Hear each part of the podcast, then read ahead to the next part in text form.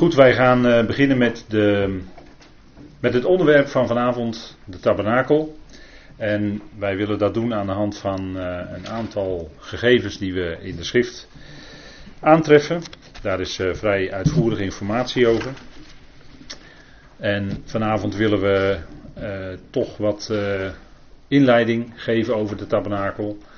En een aantal facetten, maar nog niet alles. Dus eh, er komt uh, nog een vervolg als het uh, aan mij ligt en als u het ook fijn vindt. Dan komt er nog een vervolg op deze avond. En ik weet niet of dat nog één of nog twee keer zal zijn, maar dat hangt even af van de uitgebreidheid van de dingen die we vinden en aantreffen. Maar in ieder geval willen we vanavond een start maken met een stuk inleiding. En ik denk dat het toch bijzonder is, een bijzonder onderwerp. Uh, ik wilde eerst graag met u beginnen met gebed. En daarna gaan we met elkaar kijken naar de zaken die God daarover te zeggen heeft. Vader, we danken u dat we ook vanavond hier bij elkaar mogen zijn. Dank u wel dat we dat weer doen rondom uw woord. Dank u wel dat we na mogen denken over de woonplaats die u had te midden van uw volk. Een bijzondere tent een bijzondere plaats. Vader, dank u wel dat u daarover het nodige heeft laten zien in uw woord. En dat, we, dat dat vastgelegd is en dat we daardoor nu daar nog van kunnen leren, Vader, wat het is, wat het betekent. Vader, geeft u daarin ons wijsheid, geeft u leiding in het spreken. Vader, mag het zijn tot lof en eer van u, mag het zijn tot opbouw van ons geloof. Dank u wel dat u uw woord geeft wat zo rijk is en dat we daaruit mogen putten, Heer, elke dag. Voor ons leven, voor ons hart. Vader, mag dat ook zo vanavond zo klinken, Heer, dat het ons hart raakt. En dat we echt daardoor een stukje opbouw ontvangen en wat dieper raken in de dingen die misschien heel bekend zijn, maar toch kan het zijn dat daar facetten in zitten, Vader, die misschien nog onbekend waren en nieuw zijn. Vader, wilt u daarin leiden en wijsheid geven. Dank u wel dat we dit hier in alle vrijheid kunnen doen met elkaar. Dank u wel dat u daarin de weg wijst. Dank u wel voor, Vader, dat u onze Vader bent. Dat we tegen u, Abba, Vader, mogen zeggen. We danken u daarvoor. We danken u voor uw liefde, dat u zo naar ons toe komt. We danken u daarvoor in de machtige naam van uw geliefde Zoon. Amen. Goed, de tabernakel. Gods woonplaats. En dat uh, zegt al iets over, het, uh, over onze God. Die we hebben mogen leren kennen. Gods woonplaats. En eigenlijk is, als je over dit onderwerp nadenkt, voor ons al direct een punt. Wat we als gelovigen beseffen. God wil te midden van zijn volk wonen. Daar, dat is een, een uiting daarvan, zien we in de tabernakel. Zo wordt hij genoemd in de vertalingen. Eigenlijk uh, duidt het woord op uh, een tent, een tentwoning. En zo was het ook. De Israëlieten moesten allerlei dingen daarvoor maken. En voor ons eigenlijk, als wij vertrouwd zijn geworden met de woorden van de apostel Paulus, dan is het zo dat God door zijn geest woning maakt in ons hart. En dat is ook wat uh, bijvoorbeeld, hè, we kunnen veel teksten daarover noemen, maar bijvoorbeeld in Romeinen 5, vers 5 staat dat, dat God zijn geest in ons hart geeft. Laten we dat even, heel even met elkaar opzoeken. Want dat is toch denk ik voor ons iets bijzonders. En ook iets bijzonders dat, wat God in deze tijd doet. En ik beperk me even tot het ene vers 5. Waar staat Romeinen 5 vers 5. En de hoop, de verwachting, beschaamt niet, maakt niet te schande.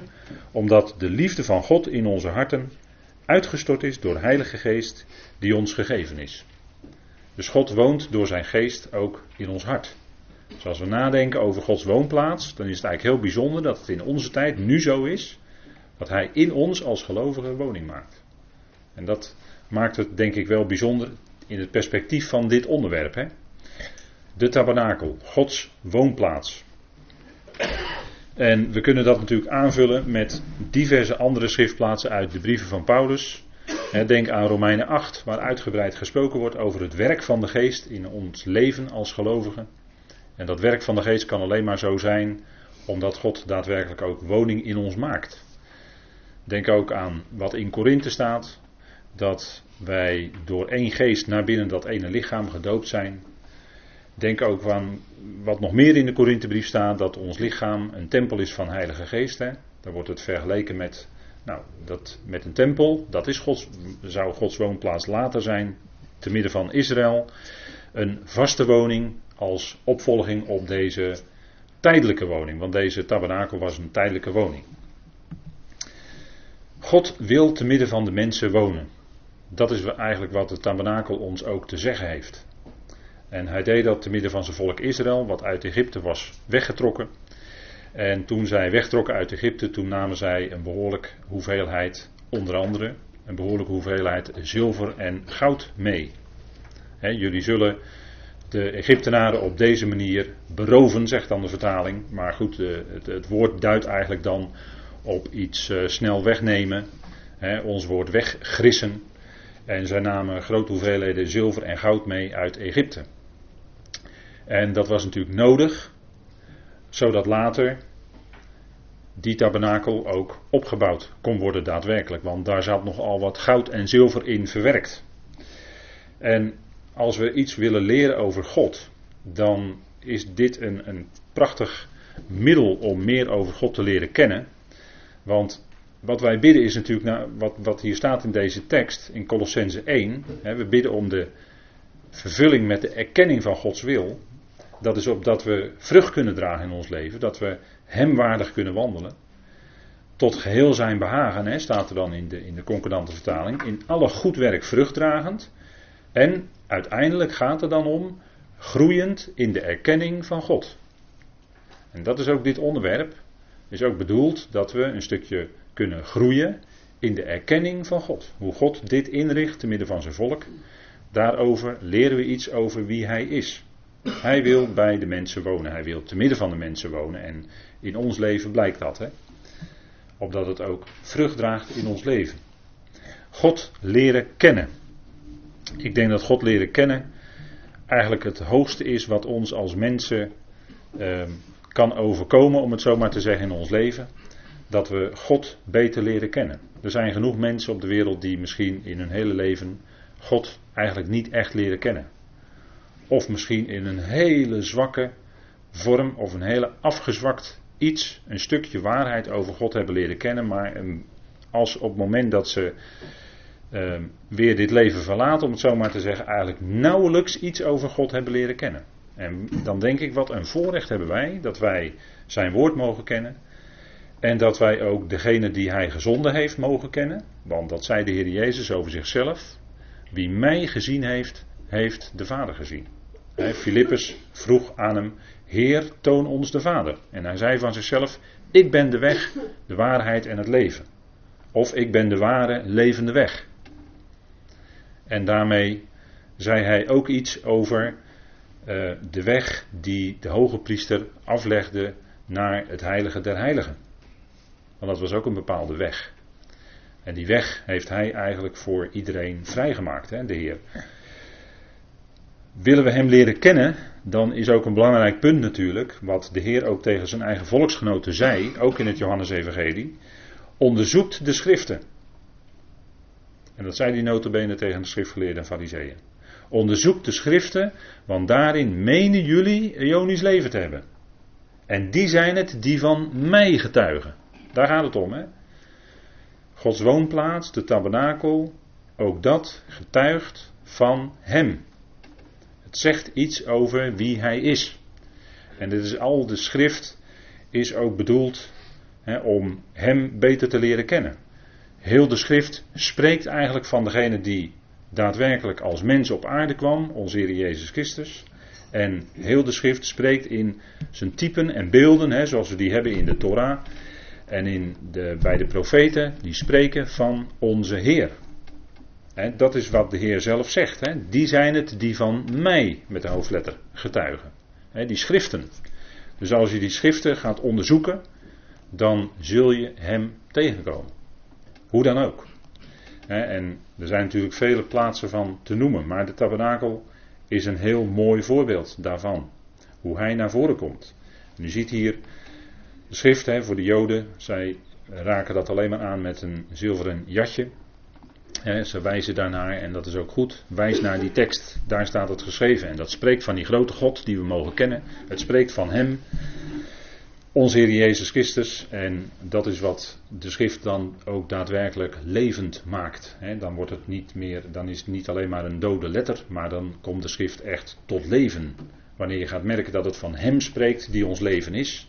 Van Hem spreekt die ja, eigenlijk het getuigenis van de schrift is. Uh, openbaring zegt dat ook. Dat uh, het getuigenis van Jezus is de geest van de profetie. Dus die profetie die is doordrenkt met de geest van onze Heer zelf. dat wil het zeggen, de, de profeten getuigen van Hem. Gods woonplaats, en daar zit een ontwikkeling in. Als je de schriften naloopt, dan merk je dat daar een opbouw in zit. En in de eerste plaats zou je kunnen zeggen, God was er natuurlijk altijd al. Dat kunnen we ons niet voorstellen, want wij zijn altijd aan tijd gebonden. Maar God staat natuurlijk niet binnen de tijd, maar God staat buiten en boven de tijd. God heeft de tijden geschapen. Maar eerst was God zonder zichtbare woonplaats in zijn schepping. En dat speelt zich eigenlijk af vanaf Genesis 1, vers 1, kun je zeggen. Dat is hier op deze dia ook aangegeven. En dan was het zo dat tot en met hoofdstuk 16, vers 16 God wel wandelde met mensen. Hij wandelde met Adam en Eva in de hof in Eden. Hij wandelde met Noach. Hij wandelde met Henoch. bekende voorbeelden. En tot aan die grote vloed kwam. Tot aan het moment dat God zag dat die mensen zodanig, de mensheid zag er zodanig uit dat hij die mensheid eigenlijk wegdeed uit zijn ogen en alleen Noach, acht mensen bleven over. En als we even nog een stap terugzetten, in de eerste eon had God ook geen woonplaats. Misschien zou je kunnen zeggen, die hemelse machten en krachten waren er al, maar had God daar een specifieke woonplaats? Wie zal het zeggen? Misschien wel. Maar in ieder geval in de schepping, als je kijkt bij de mensen, had God geen bepaalde woonplaats. En dan kunnen wij zeggen, ja, God is overal. En dat is ook zo. Maar specifiek het verlangen van hem om te midden van de mensen te wonen, het bleek nog niet, hè. En dan komen we dus bij, eigenlijk is dit een, ook een hele nieuwe fase, hè, als Israël, het volk Israël ontstaat uit de aartsvaders, Abraham, Isaac en Jacob. En zij kenden ook iets van God. En je moet altijd kijken in de schrift als, als een bepaalde onthulling komt over God. Hè, als God zelf iets zegt over zichzelf. Dan markeert dat een bepaald punt. Hè. Zo kun je dat ook bij de aartsvaders zien. Als zij een ontmoeting hadden gehad met God. Dan was het zo dat God soms zich door middel van een nieuwe benaming aan hen onthulde, openbaarde. Waardoor zij eh, verder, misschien wel beter of dieper, hem leerden kennen. En ook op een andere manier konden leven daardoor. En zo'n onthulling van God in, is in Genesis 17, vers 1. En daarin, hè, dat is een bekend woord, uh, daarin zegt de Heer iets tegen uh, Abraham. Laten we dat even met elkaar lezen. Genesis 17, vers 1. En dat is natuurlijk een bekende titel die wij kennen van God.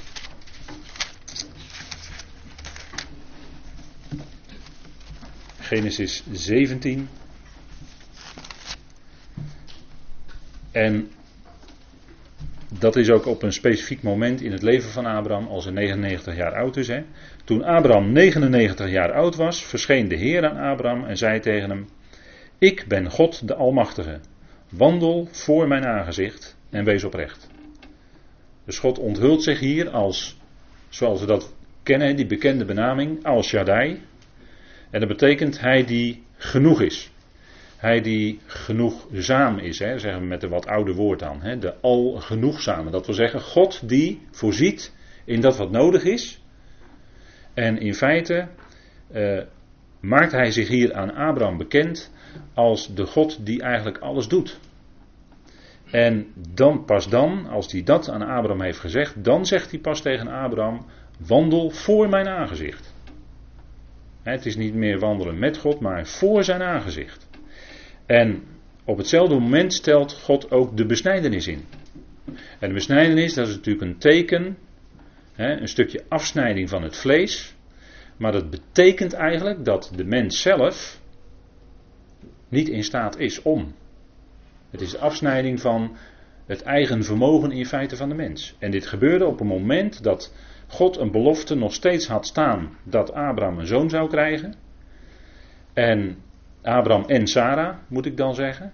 En naar de mens gesproken was dat niet mogelijk op dat moment. En dan laat God zich zien, hè, onthult God zich in die benaming Al Shaddai. Ik ben God de Algenoegzaam. De onderschikker hè, natuurlijk ook. Hè. God is de onderschikker. En op dat moment dat, dat, dat Abraham en Sari zelf eigenlijk geen kinderen meer konden verwekken, op dat moment laat God zich zien en stelt hij de besnijdenis in. Afsnijding van het vlees als teken dat het menselijke vermogen hier voor nageslacht ophield. En dan gaat God het doen. En dan laat hij ook zien dat hij het doet. Dat hij nieuwe kracht geeft. Dat hij, en zo vult Paulus dat later ook in, in Romeinen 4. Dat hij als het ware opstandingskracht geeft in Abraham. En wordt alsnog later, een jaar later, als Abraham 100 jaar oud is. En je zou kunnen zeggen, als zijn geloof dan helemaal uh, vervuld is. Dan komt die vervulling ook in de beloofde zoon Isaac. En dat is een heel bijzonder moment. Dus het is een heel bijzonder moment in het leven van Abraham. En God heeft zich hier onthuld als Al Shaddai. En daarna krijgen we de hele geschiedenis met de uittocht. Hè. Israël ontstaat in Egypte, het wordt verdrukt, de uittocht. En dan gaat God instellen die tabernakel. Maar een markant punt daarbij is dus in Genesis 17, vers 1 dat God zich als zodanig heeft onthuld. Dat hij als Shaddai is, de algenoegzame. Goed, gaan we nog even een stap verder om even die loop van Gods woonplaats in ontwikkeling na te lopen. Zoals dat in de schrift naar voren komt. En dat gaat in grote stappen even voor u. En dan gaan we straks verder specifiek en gedetailleerd op de tabernakel in. Maar hierna, na de tabernakel, dat weet u, kreeg je tempels die met handen gemaakt, met mensenhanden gemaakt moesten worden, volgens Gods richtlijnen. En dat zijn er drie. De tempel van Salomo, de tempel bij, of onder leiding van Zerubabel, in de tijd van Zerubabel. En dan wat nog toekomst is, de tempel van Ezekiel. Die staan omschreven in de schrift. En die moesten op voorschrift van God zo gemaakt worden. Dan zijn er nog andere tempels. We kennen de tempel van Herodes. Maar dat is niet volgens de instructies. Die werd niet volgens de instructies van God gebouwd. En een tempel die in de nabije toekomst gaat verrijzen. Waarin de wetteloze zich zal zetten. Hè, wat Paulus aangeeft in 2 Thessalonicense 2. Dat de wetteloze zich zal zetten in de tempel van God. Hè, vers 4. En dat is direct voorafgaand aan de tweede komst van Christus. De eerste komst, daar had je de tempel van Herodes. Waar de Heer zelf niet mocht binnentreden, eigenlijk alleen de priester en de hoge priester. Want de Heer was zelf geen priester. Hij was eh, niet uit de stam van Levi, maar hij was uit de stam van Juda en kon daarom het priesterschap niet vervullen hier op aarde. Maar dat weet u wel. Dat zijn dus tempels die vast zijn, hè, van steen opgebouwd. En in de tijd waar Ezekiel over spreekt, dat is dan in de duizend jaar, komt er een enorme tempel, een magnifieke tempel te staan. Ehm, waarschijnlijk ten noorden van Jeruzalem. En dat is een enorm bouwwerk met allerlei vertrekken voor levieten en priesters en dergelijke. En dat is, uh, ja, dan komt er ook een hele offerdienst en dat is fantastisch. Maar goed, dat is nog toekomst. Dan een woonplaats, daar heb ik al even in het begin aan gerefereerd. De uitgeroepen gemeente van God wordt vergeleken in de Korinthebrief met een tempel. Weten jullie niet dat jullie Gods tempel zijn? 1 Korinthe 3. En dat de geest van God in jullie woont.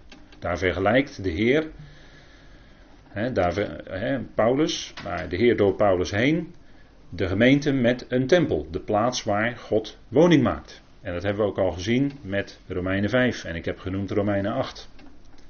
God maakt woning door zijn geest in de gemeente. Dus de gemeente wordt vergeleken met een tempel. De woonplaats nu zou je kunnen zeggen. In levende mensen. Dat is heel bijzonder.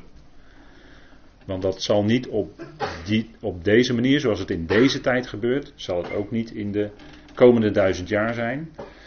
En waarschijnlijk op de nieuwe aarde zal daarin een ontwikkeling komen. Maar de permanente woonplaats die het lichaam van Christus is, dat is heel bijzonder. En daarom is het lichaam van Christus ook een eenheid. Het lichaam van Christus is per definitie één. En Paulus geeft natuurlijk aan in Efeze 4 dat wij die eenheid zouden uitleven. die hoeven wij niet te bewerken, die eenheid, die is er al. Maar die mogen wij bewaren, zegt Paulus, met de band van de vrede. En dan tenslotte, als eindpunt van de hele ontwikkeling, Gods woonplaats in de geest. Waar Efeze 2 mee eindigt. Hè? Dat hij uiteindelijk alles in allen zal zijn. dat in wil zeggen, hij woont dan in al de schepselen. Volledig. En dan is die volkomenheid, de volheid aangebroken van heel die nieuwe schepping. En dat is eigenlijk het grote waar God naartoe aan het werken is dat zijn woning zal zijn in heel de schepping. Dat hij in al die schepselen echt woning maakt. En al die schepselen zullen dat dan ook zo ervaren. En, en dat zal natuurlijk geweldig zijn. En dan, dan is echt de eeuwigheid, om het zo maar te zeggen, aangebroken. Hè? De, de eindeloosheid. Want de Bijbel heeft geen echt woord voor eeuwigheid, maar wel uh, hanteert wel het begrip zonder einde, dat wel. Maar dan is echt die eindeloosheid aangebroken. Hè? De, ook, dan is er geen tijd ook meer nodig, die valt dan weg. Dat kunnen wij ons nu nog niet voorstellen. Maar uh, we zijn in feite, geestelijk gezien, al aan het eind van die tijden geplaatst. Hè? Uh, Paulus zegt ook tegen de Corinthiërs, en dat zegt hij over hun hoofd natuurlijk ook tegen ons, op wie de einden van de eonen gekomen zijn. Hè? 1 Korinthe 10.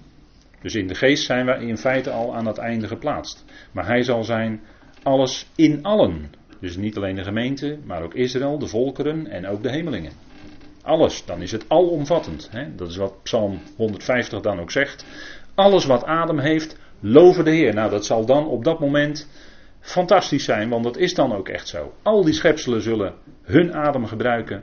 En adem is dan misschien een beeldspraak als je denkt aan hemelingen. Maar zullen hun vermogen gebruiken om God te loven en te prijzen zoals Psalm 150 dat zegt. Dat is die volheid waar het naartoe gaat. Nou, dat is hè, ons onderwerp Gods woonplaats. Maar we gaan even terug naar de tabernakel. De schrift zegt daarover dat de Torah, de onderwijzing, en Exodus spreekt uitgebreid en Numeri over de tabernakel en de dienst bij de tabernakel. Leviticus gaat over de offers bij de tabernakel. Maar de wet heeft een schaduw van de toekomende goederen. Nou, het woord goederen is niet helemaal. Uh, maar goed, Even voor nu de vertaling dan maar hanteren. de wet heeft een schaduw, de Torah heeft een schaduw van de toekomende goederen. Dus waar het werkelijk om ging, dat wierp als het ware zijn schaduw vooruit. En dat, daarvan is die contouren, die foto die spreekt daar ook van, die u op deze dia ziet. die die uh, Torah die spreekt van de contouren van wat zou komen. En Paulus gebruikt dat woord schaduw ook in Colossense 2. Hè. Laat dan niemand jullie richten in zaken voedsel of drank, of details van een feest of van nieuwe maan of van sabbatten, die een schaduw zijn van hetgeen op het punt staat te komen. Het lichaam echter is van de Christus. En dat is waar het om gaat. Hè. Het lichaam is echter van de Christus. We hebben de vervulling. We kennen in hem de vervulling van al die schaduwbeelden en, en dat is wat, uh, dat is natuurlijk het geweldige van deze tijd. Hè?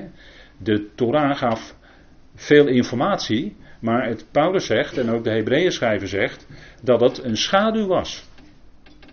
Er moest iets komen, hè, want iets wat zijn schaduw vooruitwerpt, dan weet je, uh, dat zijn alleen nog maar de contouren, de schaduwen. En bovendien is een schaduw altijd iets donkers. Maar het volle licht zou pas komen al toen Christus kwam en zich uh, onthulde te midden van zijn volk. En later nog meer toen hij zich onthulde via de apostel Paulus. want uh, hij zei tegen zijn discipelen in die opperzaal, weet u wel. Toen zei hij: Nog veel heb ik jullie te zeggen, maar jullie kunnen dat nu niet dragen. Maar straks zal de volle waarheid bekendgemaakt worden. En uh, die, die volle waarheid die wij als gemeenteleden daarvan iets mogen weten nu, die hebben die twaalf niet zo mogen, nog niet zo mogen leren kennen zelfs. En, en, en als, als je in dat perspectief gaat zien, dan gaat het misschien een beetje, uh, ja, in dat perspectief gaat het beter spreken, denk ik. Wat voor een enorme rijkdom, hè, waar, waar uh, Gijs afgelopen zondag over sprak, de enorme rijkdom in Christus, hè, dat, dat, dat wij dat als, als iets geestelijks hebben mogen ontvangen, dat is pure genade. En dat is ontzettend rijk, dat is ontzettend veel. Dat is iets wat een fundament van je leven is, waar je op kan uh, leven. Nou, een schaduw, maar het lichaam echter is van de Christus. En dat is wat nu geldt, hè? zijn geestelijke lichaam. Goed, de tabernakel. Het spreekt. En we hebben net gezien hoe dat spreekt. Hè? Het zijn schaduwbeelden in feite. Een tijdelijke woning. Maar het spreekt van het verlangen van God om bij de mensen te willen wonen. Om bij de mensen te willen zijn. Bij zijn volk te willen zijn. dat gaat hier natuurlijk om het volk Israël. En dat is nadat God zich in Genesis 17 had onthuld als Al Shaddai. Maar de tabernakel was een tijdelijke woning, een tentwoning. En dat is, een tent, dat is sowieso al een uiting van, ja, het is tijdelijk. We kennen ze nog steeds. Hè? In, eh, in, als je in Israël komt, dan zie je ze, de Bedouinen. Die wonen ook in tenten. En dat is om te trekken van plek naar plek. Maar je hebt geen vaste verblijfplaats. En uh, dat was ook die, die tabernakel, die moest steeds opgebroken worden. Dat moesten de levieten allemaal doen. En die moest dan helemaal opgebroken worden en dan trokken ze weer naar de volgende plek. En dan moest die weer helemaal opgezet worden. Dat was natuurlijk een enorm werk. Met enorm veel materiaal, met enorm veel instrumenten. En het is een tijdelijke woning. En het bijzondere is dat, uh, ja, als je nadenkt over een tent, uh, Abraham, die woonde in tenten. En hij wist dat hij hier maar tijdelijk was. Hij wist dat hij maar een vreemdeling was en een bijwoner, zegt de Hebreeënbrief. Maar hij verwachtte de stad met fundamenten. Hij had iets gezien, hij had iets bijzonders gezien, Abraham. Iets over de toekomst, wat, wat God zou gaan geven in de toekomst. En dat maakt het, uh, denk ik, voor Abraham juist die vergelijking die hij in zijn leven ervoer. hij woonde in tenten. Hij was een rijk man, maar hij woonde in tenten en dat was tijdelijk. Hij wist, ondanks dat hij in het beloofde land was, voelde hij zich toch vreemdelingen bijwonen. Want hij verwachtte die stad met fundamenten. Hij verwachtte iets vast wat in de toekomst zou komen. En uh, ja, dat tent, uh, hè, het is uh, opmerkelijk genoeg, was, kon Paulus ook tenten maken. Hè. we weten dat uit handelingen, dat die Prisca en Aquila ontmoeten en daar, die, die waren van hun beroep tentenmaker. En Paulus was dat ook, hè, staat er dan. En dat is eigenlijk een prachtige uitbeelding van dat we hier tijdelijk zijn. En, dat, en Paulus vergelijkt dat ook zo in zijn brieven, hè, dat eh, het lichaam wat we nu hebben eigenlijk een tijdelijke woning is. Maar wij verwachten een blijvende. Hè, en, en dan gebruikt Paulus het gebouw uit God. Hè, die, die bewoordingen gebruikt hij dan in de tweede Korinthebrief. Een gebouw uit God. Dit waar we nu in verblijven, dat kun je vergelijken met een tent. En uh, dit is ook die tabernakel, een tent, tijdelijk. En God woont te midden van zijn volk. En trok met zijn volk mee. Hè, in de wolkolom en in de vuurkolom. Hè, de heerlijkheid van de Heer ging mee. En uh, die zorgde ook dat uh, het volk uh, beschermd werd. Hè, en, en dat ze verder konden trekken steeds. En toch, en toch als je het van de andere kant bekijkt, was die heerlijkheid van God, die was in het heilige van, van het heilige, hè, het heilige der heiligen. En alleen maar de hoge priester kon één keer per jaar in dat heilige van de heilige binnenkomen. Dat kon hij, moest hij doen met bloed. Hij mocht niet zonder bloed binnenkomen. Dus één keer per jaar kwam de hoge priester in de nabijheid van de aanwezigheid van Jewe. Maar dat volk kon dat dus niet. Dus dat volk bleef eigenlijk op een afstand. Dus aan de andere kant, hè, het is fantastisch dat God te midden van zijn volk wil wonen. En aan de andere kant was er een afstand. Daar zaten allemaal wanden tussen, tentkleden. Het was bedekt. De heerlijkheid was bedekt. En daarom moest Mozes ook, toen hij van de berg afkwam, een bedekking voor zijn aangezicht zien. Want hij straalde, zeker, hij straalde, want hij was in de tegenwoordigheid van, van God geweest. Maar toch moest hij een bedekking voor zijn gezicht doen. Waarom? Zodat de Israëlieten niet zouden zien wat zou gaan verdwijnen. Want het was een verdwijnende heerlijkheid. En het moest ook bedekt worden. En dat is ook steeds wat, uh, wat te maken heeft met die schaduwbeelden. als, als het alleen dat is, als Mozes, telkens als Mozes gelezen wordt, zegt Paulus zo, is daar die bedekking. En dat is ook wat je ziet als je nadert tot die tabernakel. Daar zit altijd eerst een bedekking tussen, zou je kunnen zeggen. Dat, die bewoordingen worden ook gebruikt. Nou, we zien hier de opstelling. Hoe ging dat nou met het volk? Nou, dat was allemaal door God precies voorgeschreven. En je ziet van, van oost, zuid, west, noord precies welke stammen op welke plek gelegen moesten zijn rondom deze tent. En dan in dat, uh, op deze dia uh, ziet u dan dat blauwe gedeelte direct rondom de tabernakel. Dat is dan, daar uh, verbleven dan, of daar hadden de levieten hun tentopstelling. En daaromheen had je dus de twaalf stammen. En de gemarkeerde stammen die, hadden dan, die stonden dan bovenaan, die hadden dan de leiding hè, van de drie. Zoals Juda in het oosten, Ruben in het zuiden, Ephraim in het westen en de stam Dan in het noorden.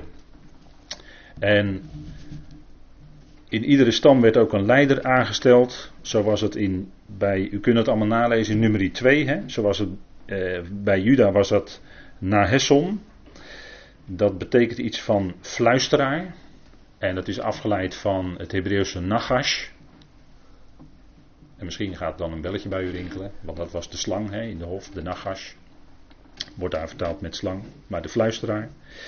Bij Ruben was degene die bovenaan stond Elisur. En dat betekent, mijn God is een rots. Dat is een hele mooie betekenis. Hè? Mijn God is een rots.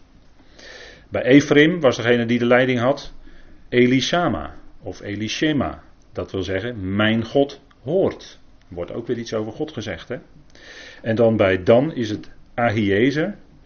En dat is ook een mooie betekenis. Mijn broeder is tot hulp. En dat is ook, denk ik, een mooie betekenis. Want zo zou het ook zijn onder het volk Israël. Dat ze elkaar hielpen.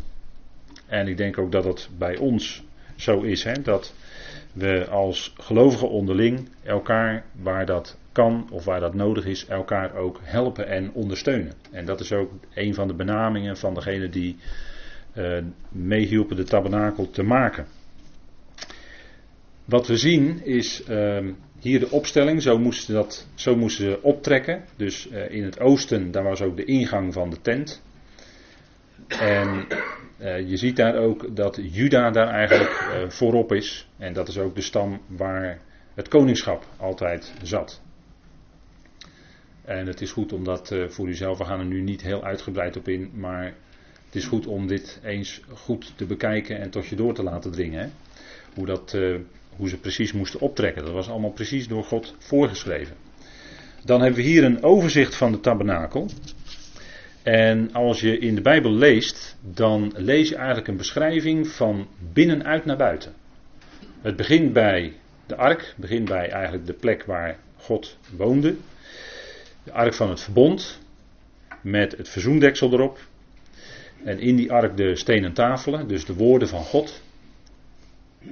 En bij die ark lezen we ook dat, dat daar een kruik met manna eh, opgesteld was.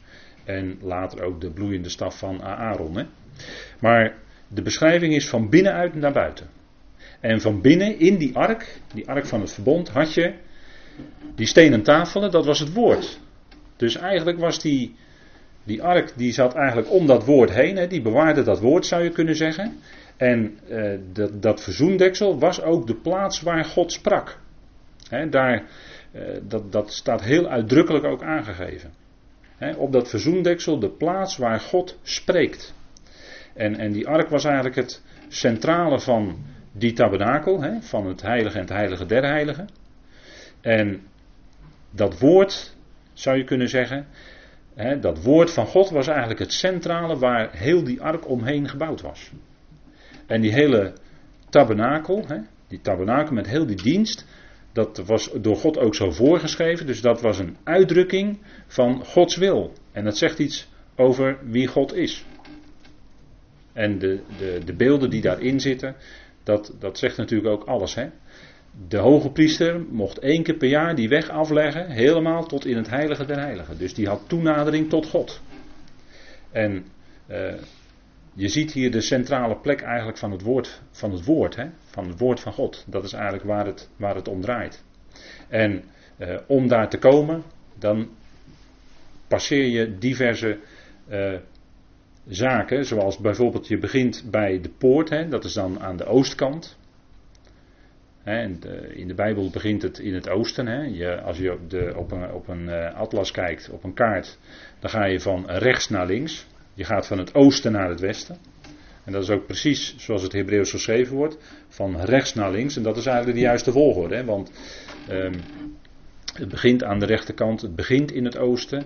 En we weten dat als straks de Messias komt, als Jezus terugkomt voor zijn volk Israël, dan zal hij zijn voeten zetten op de Olijfberg. En de Olijfberg, dat is ten oosten van Jeruzalem. Dus dan trekt hij vanuit het oosten, als verlosser, trekt hij uh, met zijn volk het land weer in. Nou, dus je ziet die gang is van het oosten naar het westen. En dan kom je eerst bij de poort. En vervolgens bij uh, het brandofferaltaar. Dan bij het wasvat. Dan als je het heilige binnengaat, de tafel met de toonbroden. Die stond dan aan de rechterkant, aan de noordkant. En aan de zuidkant, de linkerkant, stond dan de gouden kandelaar. En als je dan verder doorliep richting het heilige der heiligen, had je het gouden reukofferaltaar. En uiteindelijk in het heilige der heiligen de ark van het verbond. Met daarin dus de tien woorden. Hè? God die spreekt. En als God spreekt is het tien. Dat is ook in Genesis 1 zo. Dan, dan staat er tien keer en God zei. En God sprak. Dat dat uh, komt steeds weer terug. En dan tien keer. En dan gebeurt er ook iets. want bij God is een woord ook tegelijkertijd een daad. het is niet alleen een woord dat gesproken wordt.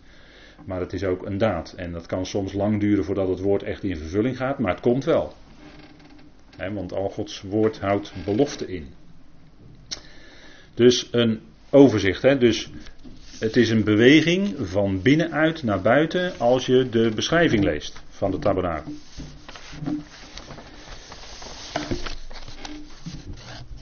En dan, als we kijken naar de afmetingen, want dan gaan we iets meer naar de omheining of de omgeving van de tent zelf kijken dan zien we dat die voorhof, die wordt beschreven in Exodus 27 en 38. En dat was helemaal precies met maten, dat weet u, omschreven. En die voorhof die was 50 ellen breed en 100 ellen lang en 5 el hoog. En algemeen neemt men aan dat een L ongeveer 50 centimeter is. En er zijn natuurlijk diverse gedachten over. daar, over dat soort dingen eh, kun je altijd uh, verschillende gegevens terugvinden. Maar misschien mag je uitgaan van ongeveer 50 centimeter, een L. Dan was dat 2,5 meter hoog.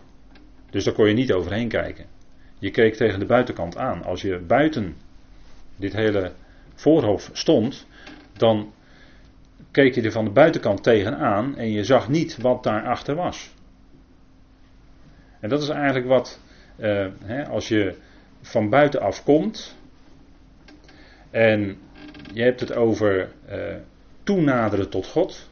Je hebt het over dichter bij God komen. Dan sta je eerst nog buiten. Er moest eerst iets gebeuren voordat je daadwerkelijk binnen kan komen en iets dichter bij God komt. En als je dat vergelijkt met je leven als mens, hè, God roept je op een gegeven moment en het wekt, hè, de boodschap wekt geloof in je hart. En door dat geloof uh, ga je iets meer ontdekken van wie God is. En uh, daar spreekt eigenlijk, ja, die hele tabernakel is natuurlijk een weg tot God. Je komt steeds dichterbij als je die weg aflegt. En daarin zit uh, een parallel voor ons als gelovigen. Je staat eerst buiten en je kijkt als het ware tegen die buitenkant aan, tegen die linnen omheining en tegen die poort kijk je aan. En je ziet allerlei kleuren, maar je weet eigenlijk niet wat het betekent. En zo is het ook met je ervaring van God leren kennen. Veel mensen, als je het woord God zegt, dan hebben ze allerlei voorstellingen erbij. Soms de, de meest vreemde eh, dingen hoor je. Maar eh, dan heeft men eigenlijk geen idee van wie God is. En, en dat is waar het eigenlijk allemaal om gaat. Hè? Men kijkt tegen de dingen aan. Maar pas als er geloof gewekt is in je hart en je krijgt iets van Gods woord te horen, dan ga je langzaam maar zeker ietsje begrijpen van, ja, van God. Van uh, dat wat God in zijn woord geeft. Hè. Die woorden, die gaan dan iets voor je betekenen.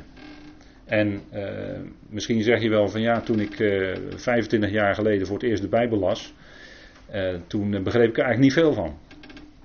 Ja, ik wist misschien net, en daar was ik blij mee, hè, zeg je wel, dat zeg je dan misschien, hè. Je wist misschien net, ja, de Heer Jezus is voor jou persoonlijk, voor jouw zonde gestorven aan het kruis. En is jouw redder, heb je hem net leren kennen. En dan ga je de Bijbel lezen en dan begrijpt je er eigenlijk niet zoveel van.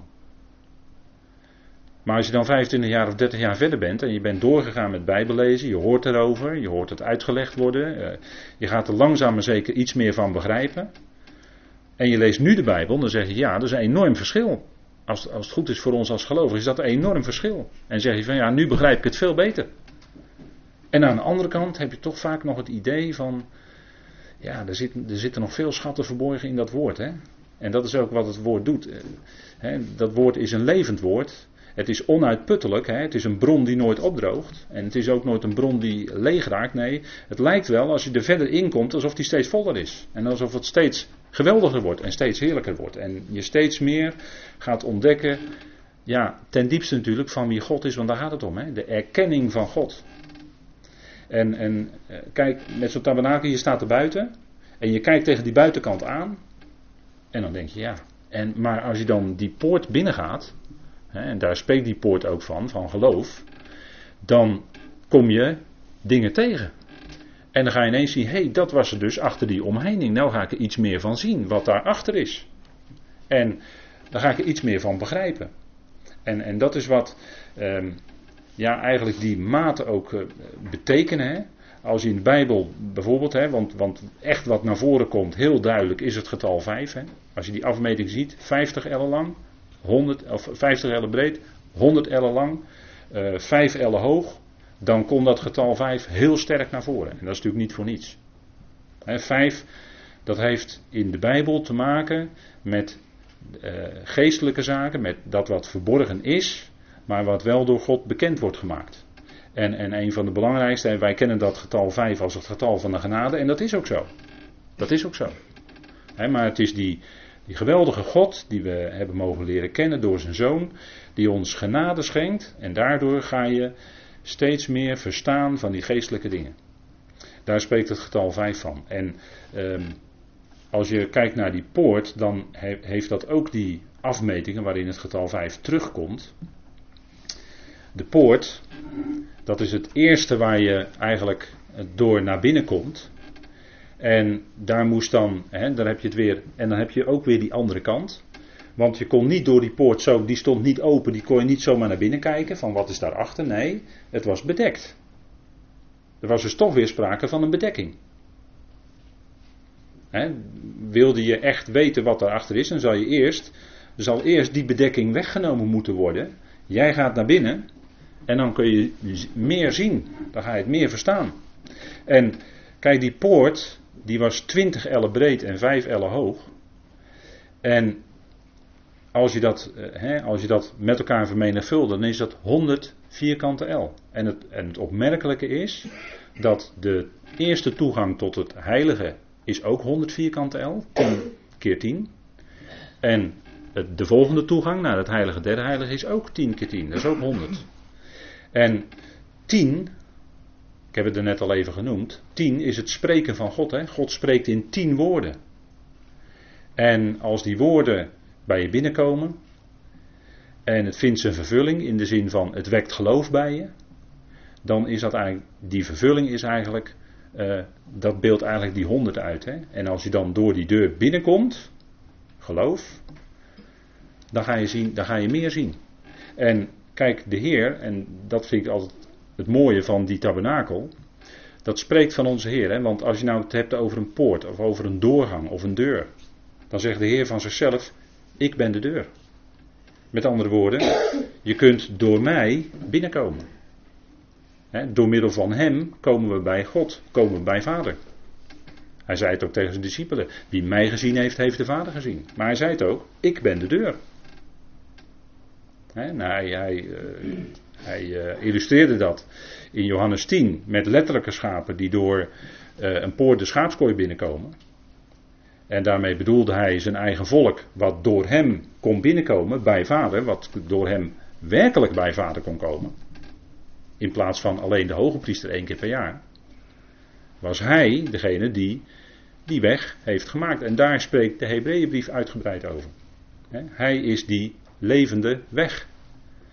Door zijn bloed is er een nieuwe, zegt de Hebreeën schrijver, een nieuwe, een verse, een levende weg gekomen. Vroeger, voorheen kon alleen de hoge priester niet zonder bloed het heilige der heiligen binnenkomen. Maar nu is de Zoon van God zelf en zijn bloed gekomen en dat heeft de weg vrijgemaakt tot vader voor iedereen in feite. En die weg is volledig vrij. En als teken daarvan scheurde dat voorhangsel toen hij stierf. En was ineens te zien wat er in het heilige der heiligen was. En wat was daar te zien? En dat was ontluisterend. Want daar was niet de ark van het verbond. Die was daar niet meer. En er was ook geen heerlijkheid meer van God, die was weg. Maar de voorhang scheurde wel van boven naar beneden als teken van zijn dood. En als teken dat die mens vrije toegang tot de Vader had. En dat, en niet alleen had, maar ook heeft. Hij heeft die weg vrijgemaakt. En, en dat is het geweldige. En zo is hij, hè, in vergelijking, in een, in een, in een uh, stijlfiguur gesproken, hij kon zeggen: Ik ben de deur. Door mij kom je binnen bij Vader. Hij brengt de mens tot God. Dat was zijn missie en dat doet hij ook. Nou, dat, hè, en zo, hè, door dat geloof, en als we het hier hebben over geloof, dan is het natuurlijk allereerst het geloof van Jezus Christus. In zoveel vertalingen helaas wegvertaald. Maar het geloof van Jezus Christus, dat staat er. en men, men, vertaalt dan het geloof in Jezus Christus en een hoofdstuk verder, Romeinen 3, hè, en een hoofdstuk verder vertaalt men wel het geloof van Abraham. Terwijl er gewoon het geloof van Jezus Christus staat. Dan denk ik van ja, dan ben je toch een beetje aan het jokken in je vertaling. En vertalen is altijd heel moeilijk, maar dat is nou iets waar je een geweldige kans hebt, als je het wel letterlijk vertaalt, het geloof van Jezus Christus. Om te laten zien, kijk, het gaat om zijn geloof.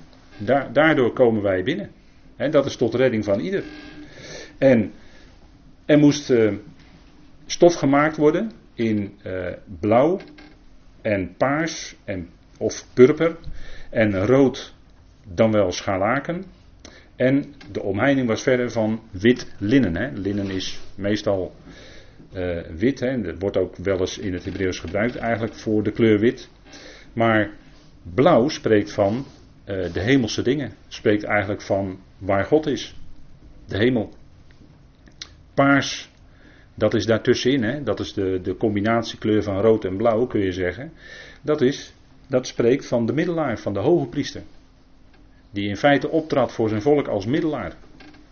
En terwijl de Heer, hè, de Heer is, zoals eh, we dat lezen in 1 Timotheus 2, hè, de Heer is de middelaar tussen God en mensen.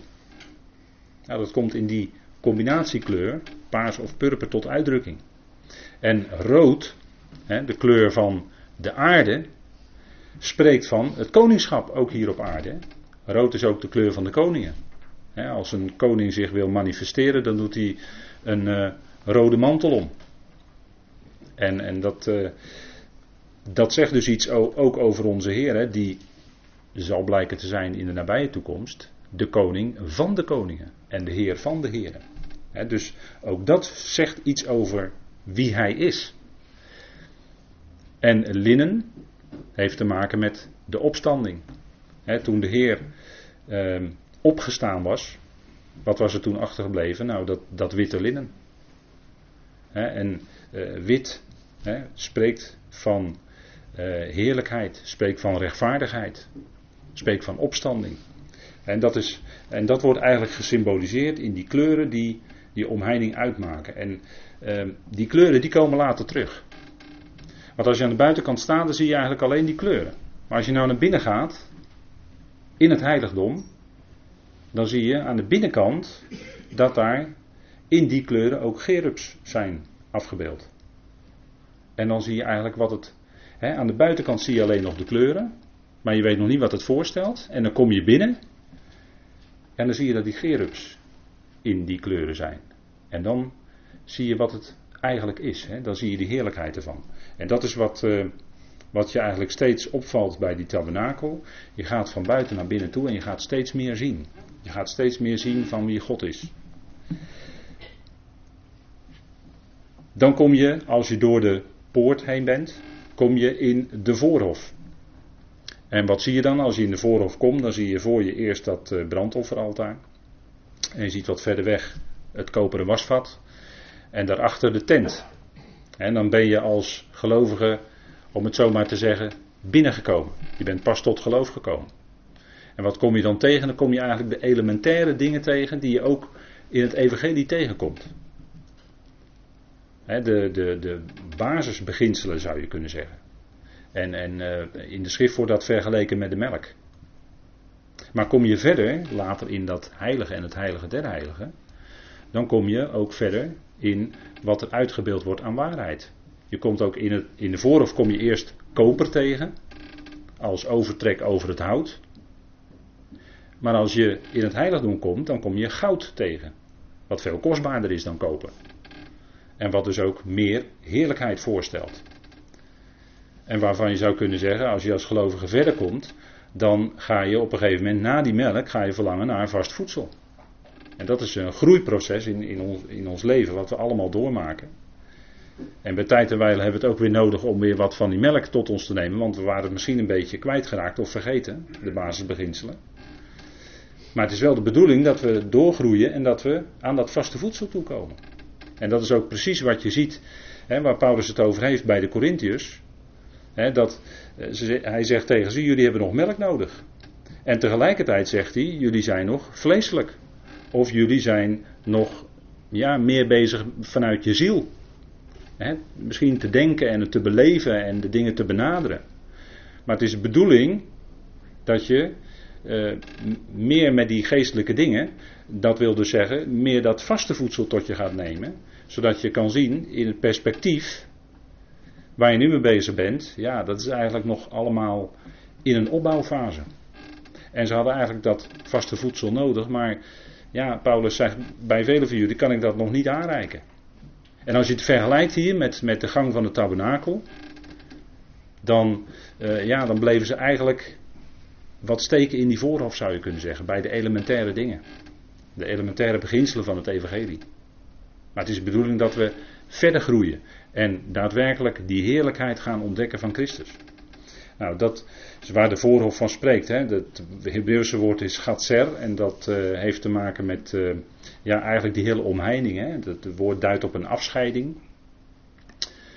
Duidt op een, een, een uh, ja, eigenlijk maakt die, die, die omheining maakt eigenlijk scheiding tussen die voorhof en de wereld erbuiten. En dat, is, dat zegt eigenlijk over iets, iets over ons als gelovigen. We zijn tot geloof gekomen. En als we gaan ontdekken wat het kruis betekent, hè, want natuurlijk, dat weet u wel, dat brandofferaltaar heeft iets met het kruis te maken. In, in een type, in een beeld. Um, als je iets gaat leren begrijpen van de werking van het kruis, dan ga je ontdekken, hé, hey, tussen die wereld en mij als gelovige staat eigenlijk dat kruis. En dan is het in ons, in, in ons leven een groeiproces dat we uh, door die werking van het kruis in ons leven, dat we eigenlijk steeds meer uh, gericht zijn op die heerlijkheid die in die tabernakel is. En ons steeds minder uh, interesse hebben in die, in die wereld daarbuiten. En dat, dat, u kent die uitspraak natuurlijk wel. We zijn niet van de wereld, maar we staan er wel middenin, maar we zijn er niet van. En dat is precies die werking van het kruis. Brandofferaltaar. Dus je komt eerst langs dat brandofferaltaar, je komt eerst langs dat kruis. Daar kun je niet omheen. He, dat is waar uh, dat spreekt van onze Heer. Die daadwerkelijk de dood inging. Want de dode dieren werden gelegd op dat brandofferaltaar. Die waren al geslacht. Even voor, uw, even voor uw goede begrip. De dieren werden niet op dat altaar geslacht. Maar die waren al geslacht. En de dode dieren moesten, conform voorschrift, moesten helemaal in delen verdeeld, op dat altaar gelegd worden. En uh, men zegt dan dat God zelf dat vuur dan aanstak. Goed, wat er ook van zij, maar in ieder geval door vuur werd dat hele brandoffer dan verbrand. Daar bleef niets van achter, ging helemaal, uh, dat verbrandde helemaal. en dat is, dat is een uh, geweldige uitbeelding van een aspect van, van het offer van onze Heer.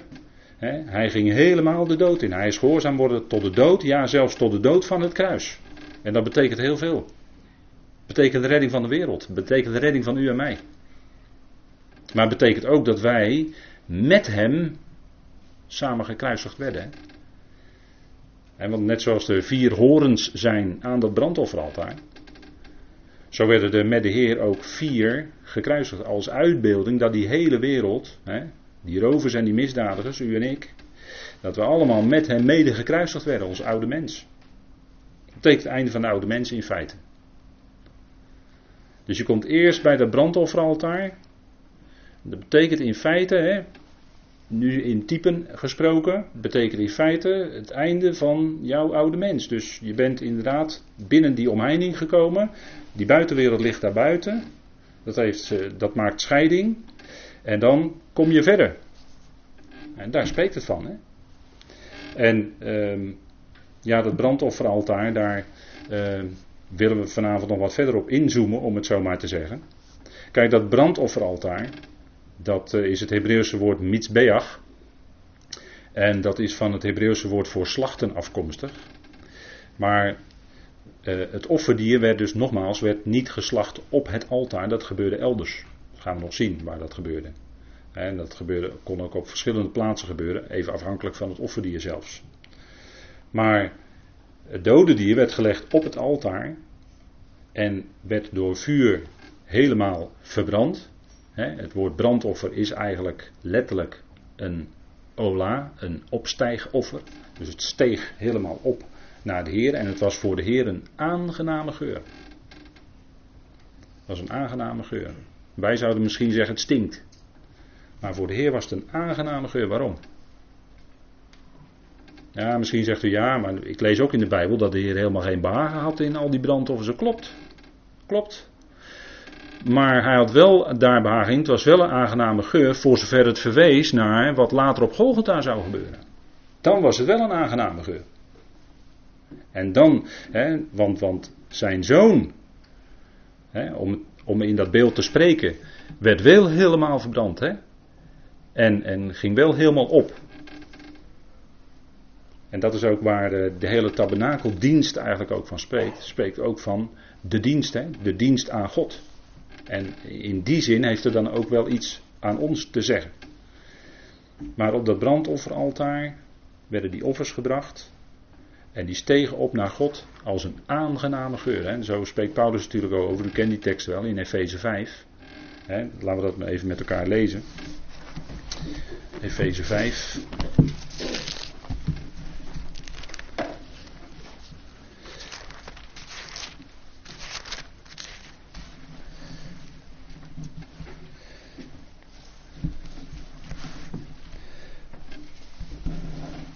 Dan navolgers van God als geliefde kinderen en wandelt in de liefde zoals ook Christus ons lief heeft en zichzelf voor ons overgeeft als een offergave en slachtoffer. En je wordt duidelijk verwezen tot een aangename geur voor God. En dat was zijn wandel, dat was zijn dienstbetoon en het leidde uiteindelijk tot de dood van het kruis. En dat was voor God dus een aangename geur. En zo wandelen, op die manier, in die liefde ook. Want het was enorme liefde die de zoon, uh, liefde voor God vooral, bovenal, liefde tot zijn vader, maar liefde voor die hele wereld, voor die hele schepping. En, en dat voorbeeld uh, navolgen. Navolgers zijn van God, zegt Paulus hier. Goed, ik stel voor dat we even een moment pauzeren, dan gaan we zo weer verder.